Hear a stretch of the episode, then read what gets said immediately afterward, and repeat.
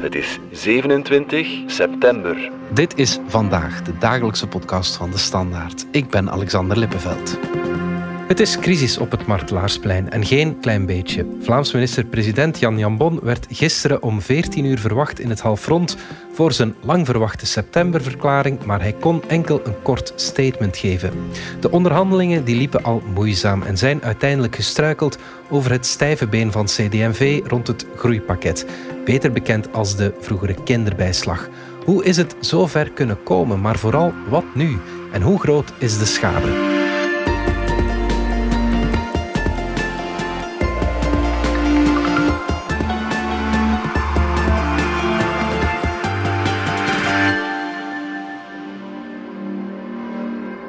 Beste collega's, de voorbije weken hebben we in de schoot van de Vlaamse regering keihard gewerkt met de bedoeling om vandaag onze beleidsverklaring voor het nieuwe politieke werkjaar hier voor jullie te kunnen brengen. Jammer genoeg hebben deze gesprekken nog niet tot een finaal akkoord geleid. Omdat de noden van de Vlamingen groot zijn, is het de wens van de drie regeringspartijen, en ik heb dat eh, nagegaan die, daar straks nog, om zo snel mogelijk tot een vergelijk te kunnen komen. Bart Brinkman van onze politieke redactie, 26 september, stond al lang aangekruist in jullie agenda's. Dan uh, zou de Vlaamse regering Jan Bon met haar plannen komen. Dit jaar was onder meer een uh, stevig energiepakket beloofd. Maar dat, uh, ja, dat liep even anders.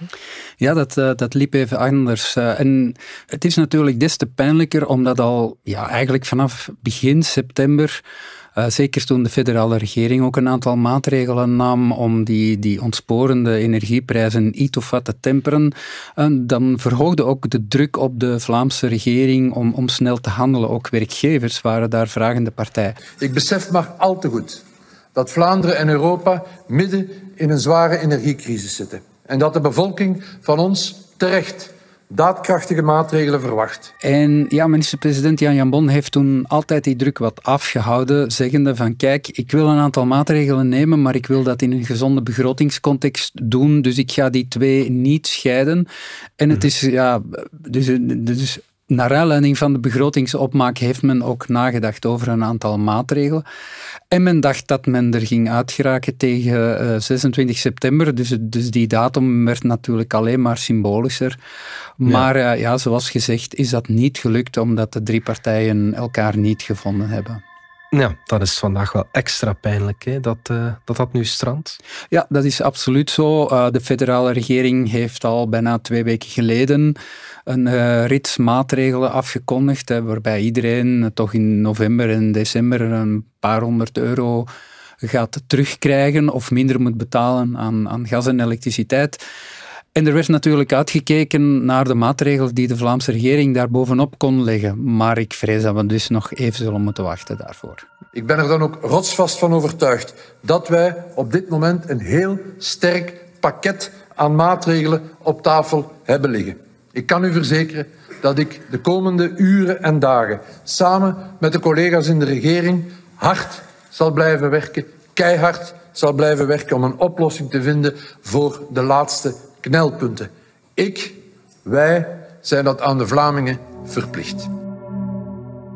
Hoe uitzonderlijk is het dat, die, uh, ja, dat de regering die septemberverklaring niet haalt? Goh, we kunnen eigenlijk zeggen dat het historisch is, omdat het nog nooit eerder gebeurd is.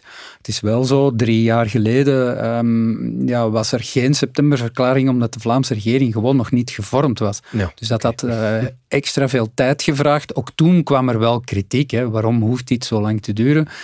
Uh, maar toen is de septemberverklaring gevolgd uh, onmiddellijk na de, de samenstelling van de, van de regering. Ja. Dus het is eigenlijk nog nooit eerder gebeurd dat politieke moeilijkheden aan de basis liggen van het uitstel. Oké, okay, laten we even uh, naar die onderhandelingen kijken. Hè. Ik had eigenlijk de indruk dat het lange tijd ja, eerder stil bleef rond de Vlaamse begrotingsopmaak. En doorgaans is dat toch een goed teken, dacht ik. Ja, daar ben ik eigenlijk niet mee eens. Um, begin september heeft CD&V eigenlijk al een, een duidelijke eis uh, gelanceerd. Namelijk, zij wilden dat uh, het groeipakket, of zoals wij kennen, het kindergeld, uh, dat dat zou geïndexeerd worden. Toen de inflatie nog zeer laag was, heeft men gezegd we gaan dat niet meer indexeren, we gaan er maar 1% bij doen, omdat de inflatie onder, ja, die zat gewoon onder de 2%. Op dit moment is de inflatie natuurlijk 10%, dus als je de kinderbijslag wil indexeren, dan praat je al gauw over 10% extra. Dat is natuurlijk heel veel geld, mhm. maar ja, CD&V wil nu eenmaal haar kern als familiepartij uh, alle kracht bijzetten en wist ook dat ze heel kwetsbaar was op die flank, omdat uh, oppositiepartijen Groen en Vooruit al heel lang op diezelfde nagel klopten. En dus dat zorgde al meteen voor wat spanning, juist omdat het zo'n dure maatregel is. En, en naar gelang dat je meegaat in het verhaal van CD&V, was er natuurlijk veel minder ruimte voor het verhaal dat uh, Open VLD en N-VA ernaast willen leggen. Mhm. En zij willen meer inspelen op de, op de jobbonus. Een jobbonus is eigenlijk een belastingkorting die werknemers krijgen als ze, ja, ik denk dat men op dit moment rond de grens van 2900 euro bruto per maand zit. Hmm. Wat ook een dure maatregel is. En dus ja, het een gaat ten koste van het ander. En dus probeerde men die twee dingen met elkaar te verzoenen. En het is daar dat het is misgelopen, omdat het compromisvoorstel dat Jan Jan Bon heeft neergelegd, vindt CD&V uh, onvoldoende. Waar is het dan concreet misgegaan? Was het dan echt... Uh... Ja. het CD&V vindt het alternatief, het, compromis, uh, dat gaat uit van een beperkte indexering, maar geen koppeling aan de gezondheidsindex. Uh, het CD&V vindt dat absoluut onvoldoende. De andere partijen hebben ook voorgesteld om dat ook wat gecibleerder, meer doelgericht te maken en de gezinnen, laten we zeggen, de, de, de, de meest kwetsbare gezinnen, om die wat extra te geven en gezinnen die het niet echt nodig hebben, wat minder. Maar daar verzet CD&V zich tegen. Zij vindt de symboliek van het groeipakket vindt zij heel belangrijk. En dan mhm. vindt zij ook dat dat pakket naar elke Vlaming, of naar beter gezegd, elke ouder met kinderen moet gaan, wat die persoon dan ook verdient. Ja, en als uh, klap op de vuurpijl werd uh, CD&V-vicepremier Hilde Krevits plots onwel zaterdagavond. Ja, dat is geen detail, omdat de druk was natuurlijk heel hoog gezet door uh, eh, CD&V-voorzitter Sami Medi. Dat is een nieuwe voorzitter, uh, wordt geconfronteerd met uh, slechte peilingen, wil zijn hakken in het zand zetten. Was dan ook heel helder over de begineis en ja, Hilde Krevits was daar zeer ongelukkig mee, met de manier waarop eh, Benjamin Dalle die ijs in, in denk ik, de zondag had, uh, had gelanceerd. Mhm. Omdat je dan eigenlijk met de fanfare op kop begint te onderhandelen. En dat betekent ook dat als je iets niet haalt, ja, dat je dan eigenlijk publiek wordt teruggefloten. Dus ik denk dat ze veel liever had dat die ijs en sourdine op tafel was gelegd. En dan kun je makkelijker een compromis maken, omdat je beginbod niet bekend is. Mhm. Dus dat was eigenlijk al een manco. En dan, ja, Hilde Krevits, je kunt ervan zeggen of denken wat je wil, maar het is natuurlijk iemand met tonnen ervaring, een, een vice-minister-president die weet hoe je een deal moet maken. En dus zij valt uit en dan komen twee jonkies uh, onderhandelen die dat natuurlijk niet weten, die voortdurend moeten terugkoppelen met de voorzitter Medi. Dit is alsof de voorzitter mee aan tafel uh, ging zitten. En dat is eigenlijk een heel, dat, dat, is een heel moeilijke situatie. Dan heb je het over Jo Broens en uh, Benjamin Dallen, hè? Ja. En zijn zij dan nog zo licht dat ze die onderhandelingen echt niet kunnen meevoeren? Mm, ja, maar licht wil ik niet echt. Uh, dat, dat, is geen kwestie van licht. Ze zijn gewoon onervaren. Zo'n hmm. onderhandeling vergt nu eenmaal enige kunde. Dat is, dat is geven en nemen. En, en gaandeweg maak je samen het compromis. Hmm. En dat is natuurlijk heel moeilijk als je één nieuw bent, dat het dus eigenlijk de eerste keer is dat je dat echt moet tot een goed einde brengen. En twee, als een voorzitter uh, op je vingers zit te kijken en dat je dus heel weinig ruimte hebt om het compromis te maken. En bijvoorbeeld in het uh, voorjaar met het Krokusakkoord, dat was een akkoord binnen de Vlaamse regering over stikstofreductie en uh, de bouwshift, wat ook zeer moeilijke onderhandelingen waren daar is dat wel gelukt. En daar heeft Jan Bon getoond dat hij heel goed kan werken aan een compromis, het, het, het, het vertrouwen opkrikken. Ja. En, en voor Krevits, wat een, die zat in een zeer moeilijk parket, want nou, de stikstofreductie dat gaat echt over de achterbaan van CD&V kreeg dan ook wel van toenmalig voorzitter Joachim Koens de ruimte om dat compromis te maken, omdat Koens begreep van, ja, je moet vertrouwen geven aan uw vissen, omdat zij natuurlijk optimaal de, de, de kansen op een akkoord kon inschatten. Hmm. En ik denk dat al die ervaring en al dat vertrouwen in, in deze onderhandeling echt wel ontbrak. Ging er dan niets goed in uh, heel die onderhandelingen eigenlijk? Op dit moment is dat moeilijk te zeggen, omdat, ja, zoals altijd, uh, er is pas een akkoord als er over alles een akkoord is. Dus er lijkt een akkoord te zijn over de jobbonus. Ik meldde eerder al, mensen die tot 2900 bruto uh, verdienen, die gaan meer geld overhouden. dat gaat toch al snel over 600 euro per jaar. Ongetwijfeld zijn er ook maatregelen genomen voor KMO's en voor bedrijven hè, die geconfronteerd worden met, met oplopende energierekeningen. Maar ik moet toegeven dat we daarover nog onvoldoende zicht hebben, omdat we natuurlijk, ja, dat wordt ook niet eh, volledig gecommuniceerd op dit moment, omdat er nog geen finaal akkoord is. Dus daar moeten we een beetje op wachten. Maar het is in ieder geval misgelopen op die kinderbijslag, omdat ja, wat daar gevraagd werd door CD&V zowel door NVA als Open VLD als, als te duur, niet toegericht genoeg wordt beschouwd. En ja, CD&V wil absoluut daar uh, eervol de aftocht blazen en denken al snel aan verhogingen van minstens 5% en gekoppeld aan de gezondheidsindex. Ja, ja, ja oké. Ehm, je zei het al, Bart Samime, die uh, de nog altijd vrij nieuwe voorzitter van CD&V, die wilde het duidelijk hard spelen en hij wil dat waarschijnlijk nog steeds. Waarom? Omdat hij natuurlijk geconfronteerd wordt met slechte peilingen. Dus hij is in juni voorzitter geworden en je voelde begin september ja, dat hij al CD&V'ers had aangezet om, om zich wat te profileren. Dat begon met Benjamin Dalle over het groeipakket. Je had Vincent van Petegem over fiscale hervorming. Je had Annelies Verlinde over doel 3. Er was heel veel animo en, en ja, wij, gingen er ook vanuit dat dat vooral gebeurde omdat er gepeild werd uh, door DPG, het laatste nieuws, de morgen, het zwaar en, en zo verder. Die peiling was ook heel, uh, heel slecht. Hè. CD&V haalde geen 10%. En je voelde ook dat medie dat hij natuurlijk strakker werd. Vele heerlen heeft het als eerste gemerkt. Hè. Zij mocht uh, prompt vertrekken als burgemeester van Sint-Truiden. Maar nu zie je dat opnieuw. Nu zie je uh, dat de bewegingsvrijheid van de onderhandelende ministers in die Vlaamse regering dat die heel beperkt is, omdat hij echt zijn slag wil thuishalen, omdat hij het gevoel heeft van als ze over ons blijven rijden, ja, dan hoeven we in 24 zelfs niet meer deel te nemen aan de verkiezingen. Dan is het gewoon over en out voor CD&V. Dus je voelt echt wel die, die existentiële crisis eh, bij de Vlaamse Christen-Democraten. Ja, maar er is wel een verschil tussen profilering en een regeringscrisis veroorzaken. Hè Bart, ik kan me niet voorstellen dat je daar zieltjes mee wint uh, met wat Nee, dat is, een, dat, is een, dat is een heel terecht punt. Men zegt altijd wie potje breekt, zal het potje betalen. Uh, zeker in, in, op federale niveau is dat altijd uh, het leidmotief.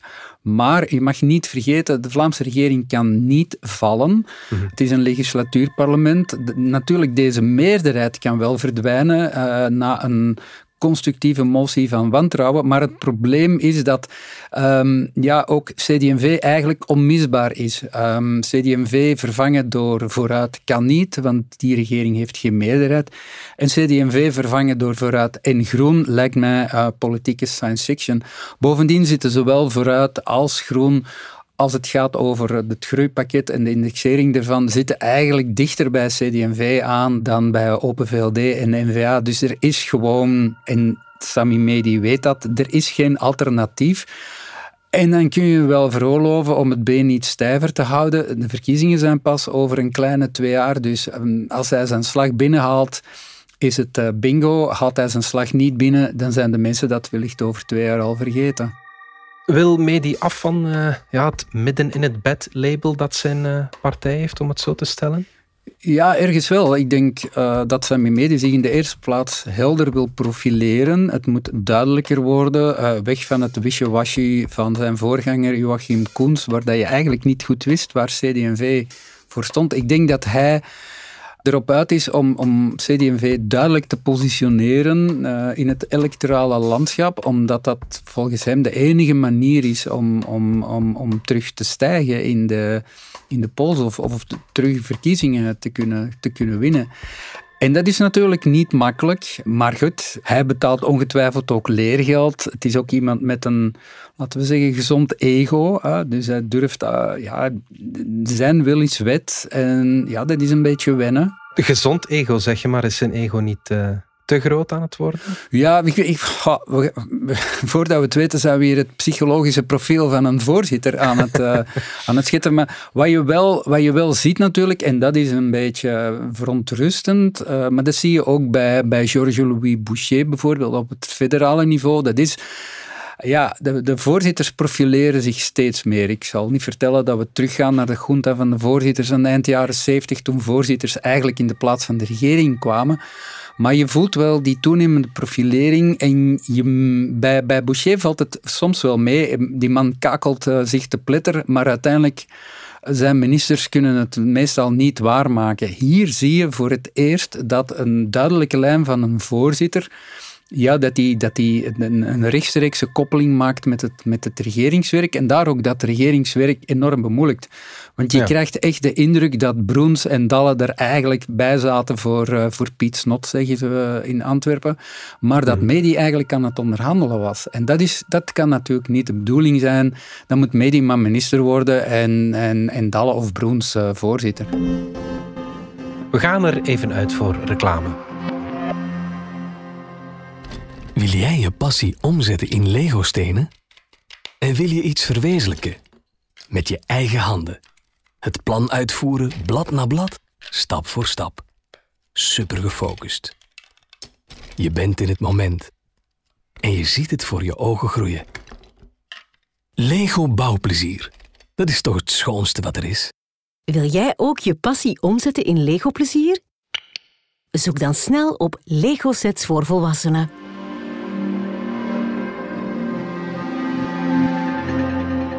Terug naar de Vlaamse regeringscrisis. Ja, Bart, wat nu? Wel, um, wij, horen dat, of wij horen, uh, Bart Somers heeft net aangekondigd dat de regering twee dagen extra heeft gekregen. En dus dat geeft wat ruimte om uh, één, uh, wat bij te slapen, want ze hebben de hele nacht doorgewerkt. Dus het zijn eigenlijk allemaal zombies geworden. Lijkt me ook niet meteen een goede basis om een fatsoenlijk compromis te vinden. Maar ik denk dat het een, natuurlijk een enorme wake-up call is. Uh, en dat men ook wel weet dat dit niet voor herhaling vatbaar is. Dus goed, ik ga ervan uit dat men wel een oplossing vindt. Maar ja, hoe het draait of keert, eh, ongeschonden komt Jan Jambon hier natuurlijk niet uit. Hè. Hij is minister-president, hij is de animator van de ploeg. En het, uh, ja, het respect dat hij begin uh, dit jaar heeft geoogst met zijn krokusakkoord, ja, is natuurlijk nu wel, nu wel ver weg. Maar het is heel opmerkelijk dat uh, begin dit jaar had Open VLD heel veel kritiek op zijn persoon en had NVA heel veel kritiek. NVA heeft trouwens nog altijd veel kritiek op Open VLD, omdat ze de Lachaert en co. Uh, beschuldigen van het feit dat ze niet in de federale regering zitten. Maar we kunnen alleen maar uh, opmerken dat het, dat het tegenwoordig echt goede vriendjes zijn, NVA en, en Open VLD, en dat CD&V wordt neergezet als ultieme boosdoener. Uh, hoe hard de perceptie doorweegt, dat wordt keer op keer door politicologen aangetoond. Bart, wie komt hier nu als winnaar uit en wie als verliezer? Goh, eerlijk, ik denk niet dat er hier één partij als winnaar uitkomt. Dit is een heel slecht signaal voor de Vlaamse regering. Uh, de energiecrisis uh, woedt om zich heen, dan verwacht je eigenlijk van een regering dat ze de problemen van de mensen probeert op te lossen. Dat ze probeert te besturen en, de, de pijn enigszins mogelijk te verzachten voor zover dat dat kan. Een regering die haar onmacht bewijst, die voedt in de eerste plaats uh, de oppositie en dan toch die krachten die misschien toch eerder de antipolitiek uh, genegen zijn. Dus ik denk, als er, als er al winnaars zijn, uh, dan zal het toch vooral uh, Vlaams Belang en de PvdA zijn die hiervan kunnen profiteren. En in die zin is Italië natuurlijk ook wel een interessante les. Hè. Ook daar wint de partij de verkiezingen die geen deel uitmaakte van, van de vorige regering. En dus mm-hmm. die ergens het, het, uh, het idee kon voeden van dat het met hen anders ging worden. Of gaat worden. Mm-hmm. Mm-hmm. We horen even de oppositie achtereenvolgens. Chris Janssens van Vlaams Belang, Hannelore Goeman van Vooruit, Jos Dazen van PvdA en Bjorn Joska van Groen. Deze Vlaamse regering die laat de mensen letterlijk in de kou staan en geeft niet thuis op een moment van een van de grootste sociaal-economische crisis, crisissen van de laatste 50 jaren. Al weken horen alle Vlamingen dat ze moeten wachten op de grote Jan Jan Bon Show. Hier vandaag in het Vlaams parlement, voordat er eindelijk iets zou gebeuren aan hun torenhoge facturen. En dan ligt er vandaag eigenlijk nog altijd niks.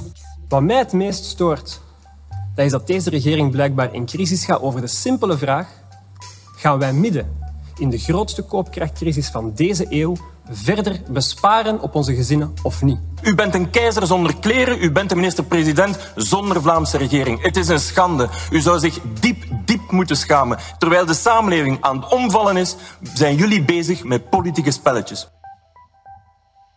Ja, Bart, ze hebben misschien toch wel een punt. Hè. Er is toch wel echt een vertrouwensbreuk. Normaal gezien brengt Jan Bon donderdag uh, zijn septemberverklaring.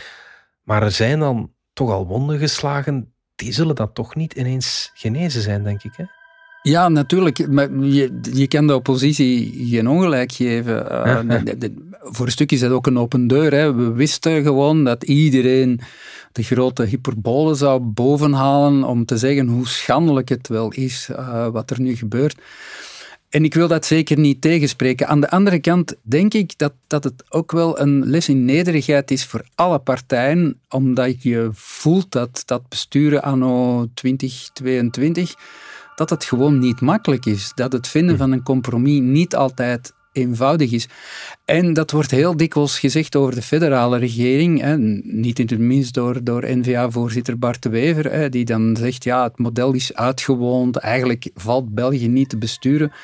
Maar hetzelfde kan je nu eigenlijk vertellen over Vlaanderen. Niet dat ik denk dat Vlaanderen onbestuurbaar is, alleen um, ja, besturen in, in crisistijd vergt heel veel kunde en, en staatsmanschap.